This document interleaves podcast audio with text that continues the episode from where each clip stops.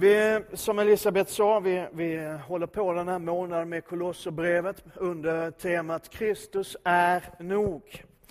Eh, Paulus skriver, bara ge en kort, kort resumé på vad vi talade om förra gången. Paulus skriver till en församling som han inte själv har grundat, han har nog inte ens varit där.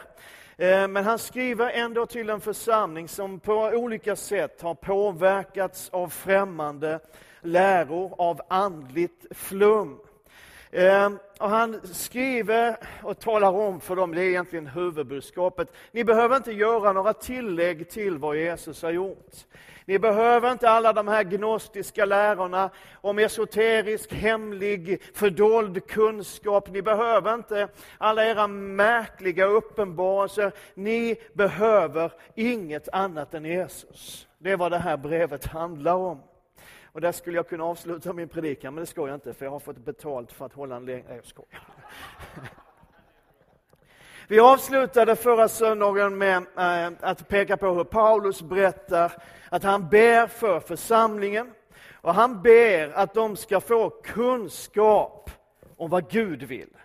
Inte en massa flum, utan vad Gud vill, det behöver ni kunskap om. Han ber om vishet, han ber om insikt, han ber om att de ska kunna, genom den kunskap om Gud de får, leva värdigt Herren, leva på ett sätt som behagar Gud, så att de bär frukt, att det blir någonting av deras liv och att växa till.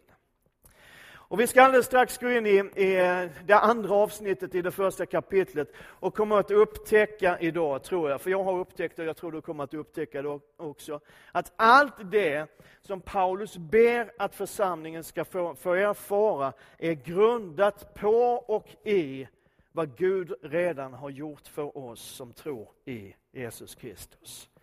Om du har en bibel med dig så kan du slå upp den till Kolosserbrevet Eh, första kapitlet har du en app så tappar du dig fram dit och har du inget av det så kommer texten på väggen här. Från den trettonde versen. Han har frälst oss från mörkrets välde och fört oss in i sin älskade Sons rike. I honom är vi friköpta och har förlåtelse för våra synder. Han är den osynlige Gudens avbild, förstfödd före allt skapat. För i honom skapades allt, i himlen och på jorden, synligt och osynligt, tronfurstar och herradömen, härskare och makter. Allt är skapat genom honom och till honom. Han är till före allt och allt hålls samman genom honom. Och han är huvudet för sin kropp, församlingen. Han är begynnelsen, den förstfödde från de döda, för att han i allt skulle vara den främste. Gud beslöt att låta hela fullheten bo i honom och genom honom försona allt med sig själv sedan han skapat frid i kraft av blodet på hans kors. Frid genom honom både på jorden och i himlen. Också ni, som en gång var främmande och fientliga till sinnet genom era onda gärningar. Också er har han nu försonat med sig genom att lida döden i sin jordiska kropp. Han vill föra er fram heliga, fläckfria och oantastliga inför honom. Om ni verkligen står fasta och är grundade i tron och inte låter er rubbas från hoppet i det evangelium som ni har hört och som har predikats för allt skapat under himlen och som jag, Paulus, har blivit satt att tjäna. Amen. Så lyder den heliga skriftens ord. Gud, vi tackar dig. Ja, precis. Vi måste få in lite mer lutherdom i det här sammanhanget. Jag bara skojar, det behövs inte. Han har frälst oss från mörkrets välde och fört oss in i sin älskade Sons rike. I honom är vi friköpta och har förlåtelse för våra synder. Det är en makalös text att börja en söndag förmiddag med. Jag har ibland en känsla av att för oss som är infödda svenskar, även om jag är skåning så räknar jag mig som svensk. Vi som är infödda svenskar, så är det ibland svårt att fullt ut förstå vad begreppet frihet egentligen betyder. För vi är födda i frihet, de flesta av oss, och har de allra flesta av oss egentligen aldrig upplevt någonting annat. Och kanske är det, har jag ibland tänkt, bara den som har upplevt någonting annat, som har upplevt fångenskap, som har upplevt någon form av ofrihet, som riktigt kan fatta skillnaden. En av de mest läsvärda biografier som jag någonsin har läst är skriven av Booker T. Washington.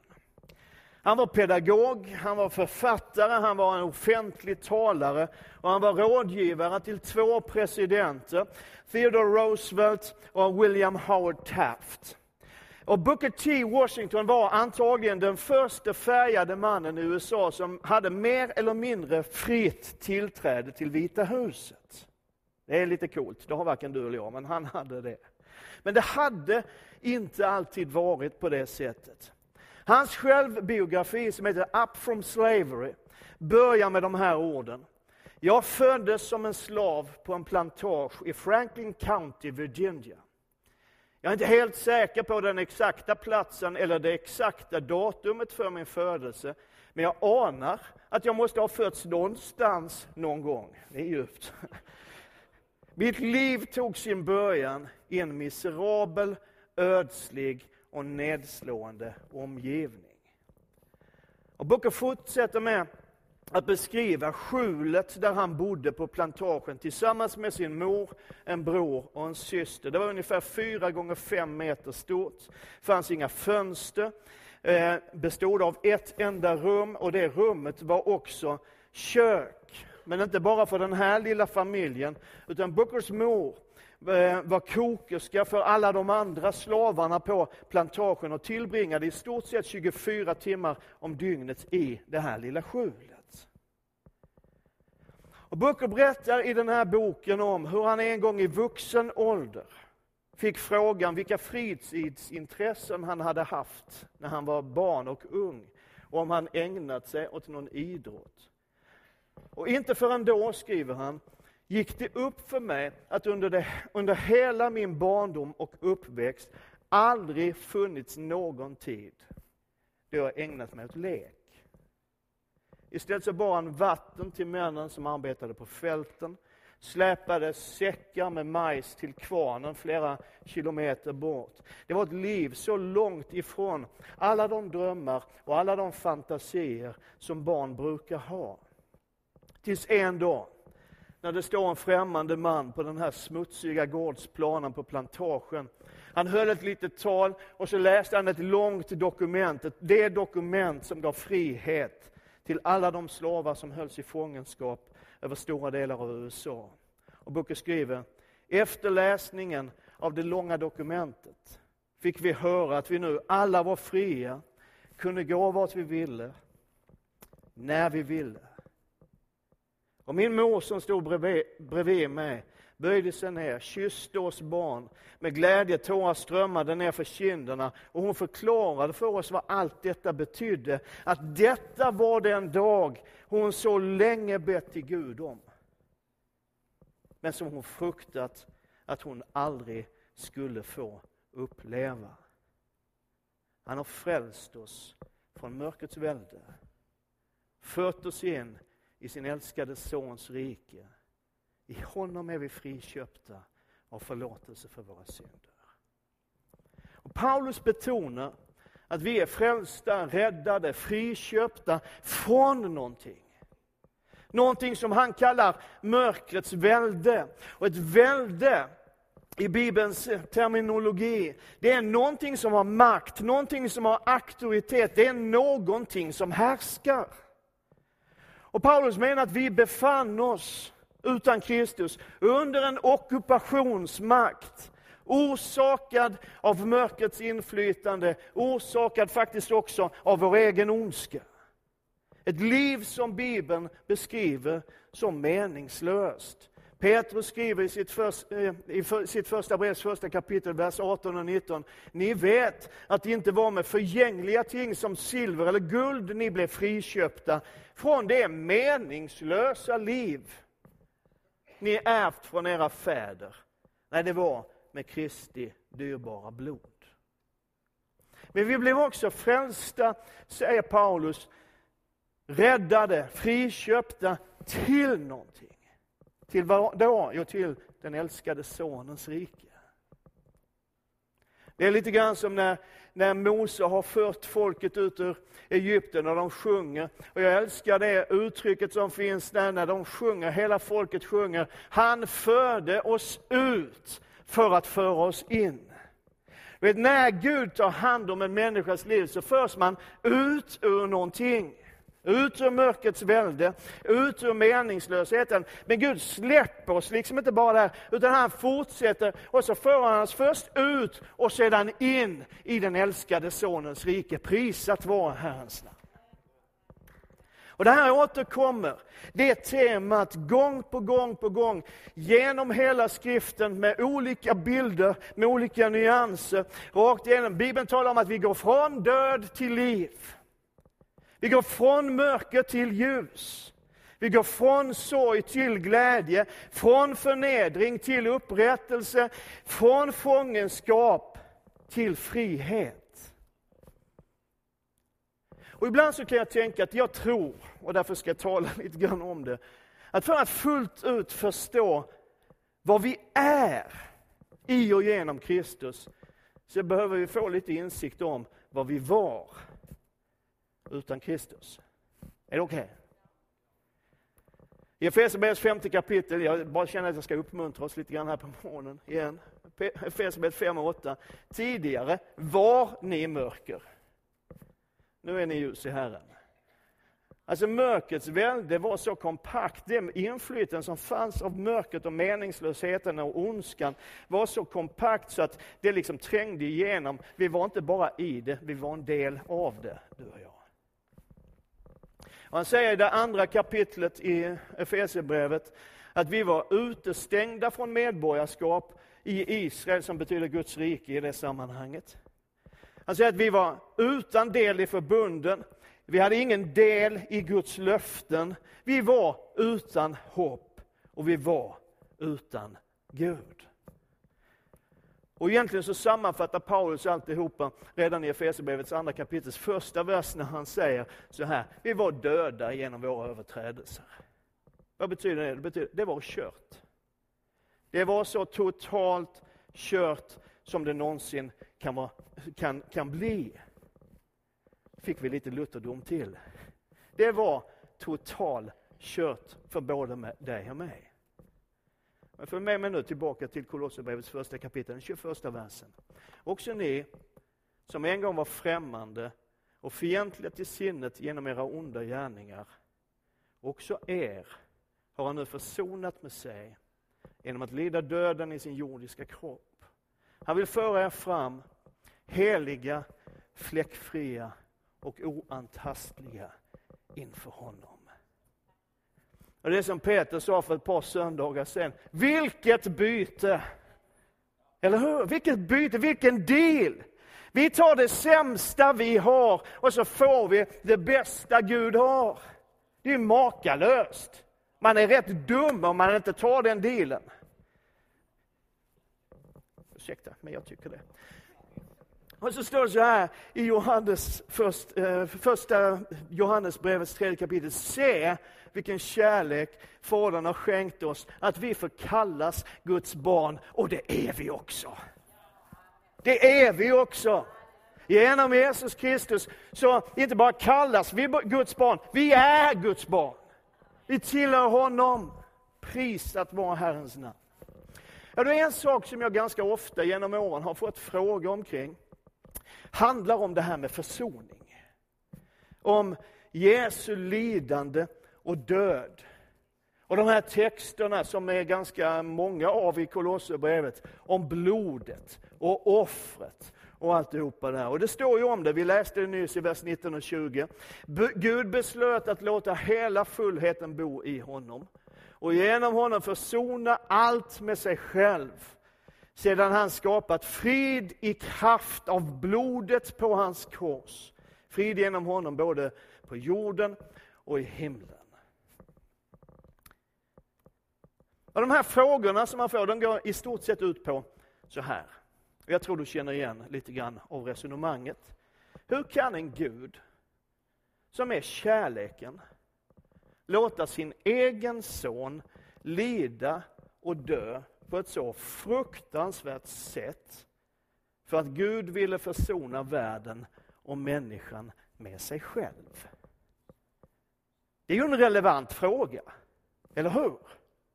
Som vi knappt törs ta i, men nu gör vi det. Man kan ju lätt få den här bilden av, av ehm, och många har den bilden också, av en oresonlig och hämndlysten Gud som inte drar sig för att offra sin egen son, för att faktiskt bestämma sig för att offra sin egen son för att på något sätt blidkas. Är du med? Och Jag tror att svårigheten att förstå det här, för det är svårt, den hänger samman med vår oförmåga att greppa treenigheten. Och det är inte lätt. Jag ska be Peter komma upp och förklara den på... Nej, jag bara skojar. Grejen är ju så här, vi tror på en Gud. Är vi överens om det? Vi tror på en Gud som uppenbarar sig i tre personer. Nu blev det krångligt på en gång. Fadern, Sonen och den helige Ande. Men vi tror inte på tre gudar. Vi tror på en Gud. De här tre personerna, nu ska jag krångla lite till. De här tre personerna är inte varandra. Alltså Fadern är inte Sonen och Sonen är inte Anden och Anden är inte Fadern. Men alla är de Gud. Och Vi kan se deras inbördes förhållande i skriften. Sonen ber till Fadern under sitt jordeliv. Fadern sänder anden och sonen säger Herrens ande är över mig och har smort mig så jag kan göra det jag gör. Men det är en enda Gud. Och det är själva poängen. Och jag tror att Paulus ger oss en nyckel till att förstå i den här texten som vi har läst, när han talar om Guds beslut att låta hela fullheten bo i Jesus Kristus. Och du som var med förra söndagen, du kommer ihåg att det här uttrycket hela fullheten, det är, det är liksom en grej som Paulus snor ifrån gnosticismen, den villolära som hade trängt in. Och så visar han att du behöver ingenting annat, du behöver Jesus. Men hela fullheten, vad betyder det utifrån Bibelns perspektiv? Jo, det betyder allt vad Gud är. Är du med mig nu? Allt vad Gud är. Hela Guds väsen bodde i Jesus Kristus. Som var fullt ut människa och fullt ut Gud. Han var 100% Gud, 100% människa. Han var inte hälften, någon hybrid. Han var fullt ut människa, men han var också fullt ut Gud. Hela fullheten bodde i honom. Och det betyder att när Gud ville försona världen och människan med sig själv, när priset för din och min frihet skulle betalas, så handlar det inte om en Gud som låter någon annan betala det priset. En Gud som låter någon annan bli offret. Utan det handlar om en Gud som själv betalar priset.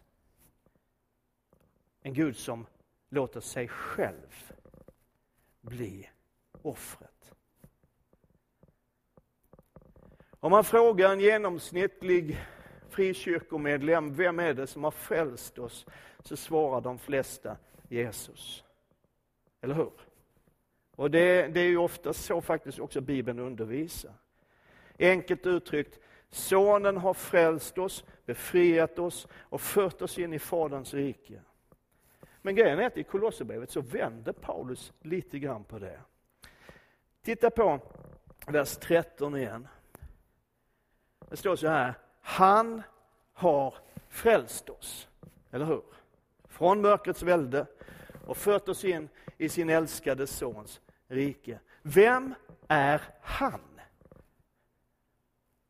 Det fanns faktiskt lite grann tidigare här, i den tolfte versen, så står det om Fadern. Han är lika med Fadern. Eller hur? De hör ihop där, vers 12 och 13. Fadern har frälst oss. och fört oss in i sin älskade sons rike. Vad vill du nu komma med de här teologiska spetsfundigheterna? Jo, jag vill komma in i det här och jag vill att du ska förstå detta. Att hela gudomen, allt vad Gud är, Fader, Son och helig Ande, var engagerad i din frälsning, i din räddning, i din upprättelse och i din frihet. Allt vad Gud är, är för din frihet. Och Bibelns frälsningslära handlar inte om ett blodigt offer för att blidka en vred, vred Gud. Utan den handlar om en Gud som är så full av kärlek, som är så full av barmhärtighet att han själv blir offret och betalar priset för din och min befrielse. Det står så här i Apostlagärningarna 20 kapitel och den 28 versen talar till ledare och uppmanar dem att vara herdar för Guds församling som han har köpt med sitt eget blod. Och det är ju därför som Paulus ber om kunskap och vishet och insikt så att vi kan bära frukt och växa till att förstå att allt vad Gud är ville se min frihet. Allt vad Gud är ville, var villig att betala priset för att jag skulle få uppleva förlåtelse och upprättelse och inre helande och yttre helande och allt det som finns i frälsningen. Allt vad Gud är. Varenda del av Gud. Var engagerad i min frälsning.